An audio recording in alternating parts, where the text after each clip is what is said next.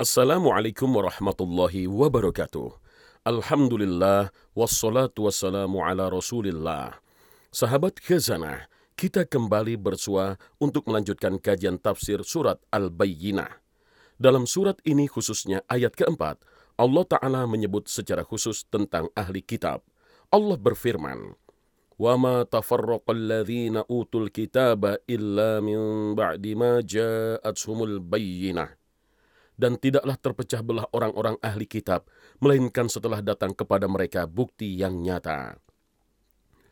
Dalam tafsir At-Tobari dijelaskan bahwa sebelum datangnya Nabi Shallallahu Alaihi Wasallam, semua Yahudi bersepakat untuk menanti Nabi terakhir dan untuk beriman kepadanya. Namun tatkala datang bukti yang jelas, yaitu Nabi Muhammad, maka mereka pun terpecah belah. Di antara mereka ada yang beriman dan ada pula yang kafir kepadanya.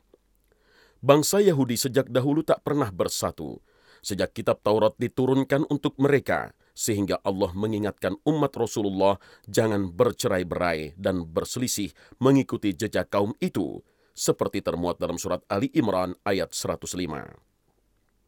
Meskipun ayat ini bercerita tentang perilaku ahli kitab, menurut Syekh Muhammad Abduh di dalam tafsir Juz Ammanya, penyakit ini juga dialami kaum muslimin.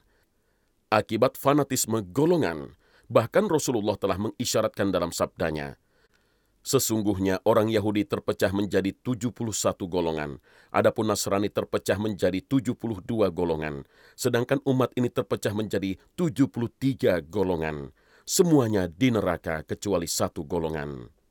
Para sahabat bertanya, siapa mereka wahai Rasulullah? Golongan yang mengikuti ajaranku dan para sahabatku. Jawab Rasulullah Sallallahu Alaihi Wasallam. Hadis riwayat Abu Daud dan Tirmizi. Pada ayat selanjutnya Allah berfirman, وما أمروا إلا ليعبدوا الله مخلصين له الدين حنفاء ويقيموا الصلاة ويؤتوا الزكاة وذلك دين القيمة Padahal mereka hanya diperintah menyembah Allah dengan ikhlas menaatinya semata-mata karena menjalankan agama dan juga agar melaksanakan solat dan menunaikan zakat dan yang demikian itulah agama yang benar. Tidak hanya Nabi Muhammad SAW semua para nabi diperintah yang sama untuk menyembah Allah dan tidak menyekutukannya, serta menjalankan syariat seperti solat dan zakat. Surat Al-Bayyinah menyebut secara khusus ahli kitab. Apa sesungguhnya yang dimaksud ahli kitab itu? Syekhul Islam Ibnu Taimiyah rahimahullah menjelaskan dalam Majmu' Al-Fatawa. Yang dimaksud dengan kitab adalah kitab yang ada di tengah-tengah mereka yang sudah dihapus dan diganti Bukanlah yang dimaksud dengan ahli kitab adalah mereka yang masih berpegang teguh dengan kitab yang asli sebelum dihapus dan diganti.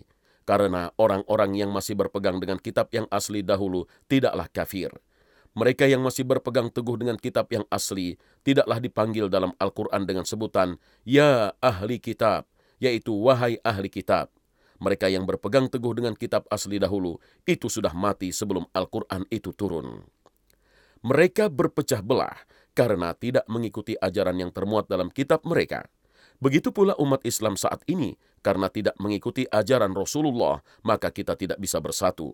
Masing-masing membanggakan ego kelompoknya sehingga umat ini menjadi lemah.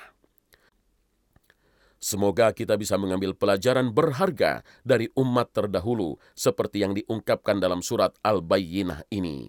Wassalamualaikum warahmatullahi wabarakatuh.